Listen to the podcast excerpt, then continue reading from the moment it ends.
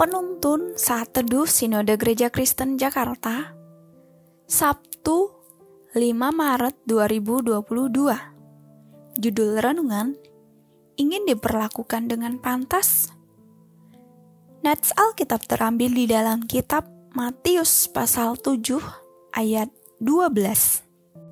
Segala sesuatu yang kamu kehendaki supaya orang perbuat kepadamu, Perbuatlah demikian juga kepada mereka. Itulah isi seluruh hukum Taurat dan kitab para nabi.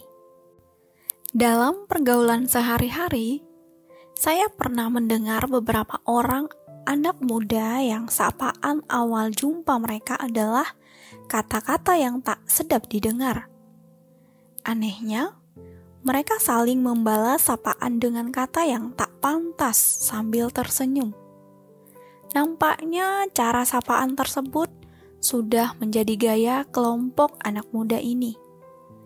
Kata sapaan tersebut menjadi biasa bagi kelompok itu karena memang disematkan sesuai dengan karakter individu mereka masing-masing. Mereka bersepakat dan merasa cocok dengan kebiasaan yang tak pantas itu. Sulit rasanya bagi saya untuk menerima sapaan seperti demikian, apalagi memberi sapaan kepada orang lain. Nats hari ini merupakan inti sari dari seluruh hukum Taurat dan kitab para nabi. Coba bayangkan apa yang terjadi dalam komunitas Kristen bila kita memperlakukan orang lain seperti apa yang pantas orang lain lakukan kepada kita. Pasti indah, bukan? Tuhan Yesus mempraktikkan lebih dahulu saat tentara Romawi memaku tangan dan kakinya.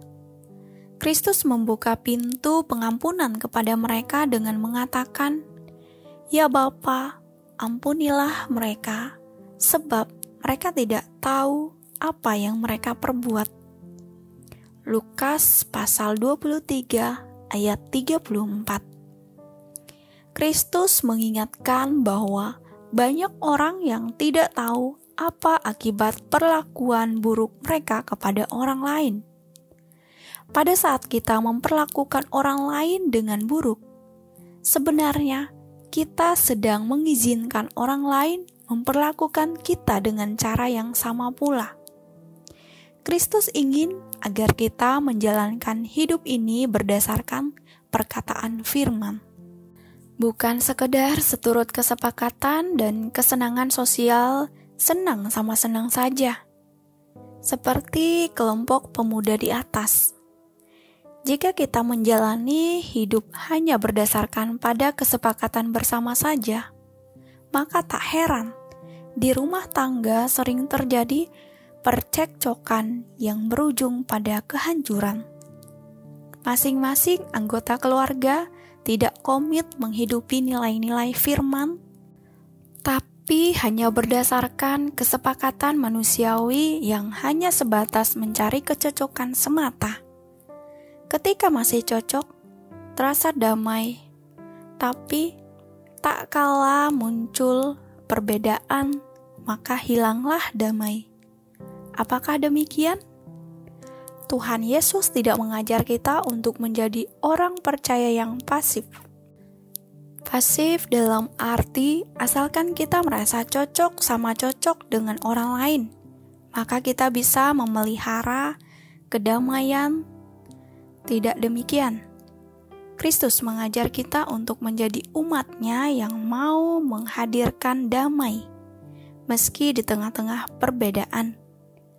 Tuhan Yesus mengajar kita untuk selalu memperlakukan orang lain dengan benar, seperti yang kita ingin orang lain perbuat kepada kita. Saat kita hanya ingin diperlakukan dengan benar dan tidak memulainya lebih dahulu, maka kita akan menjadi orang-orang egois.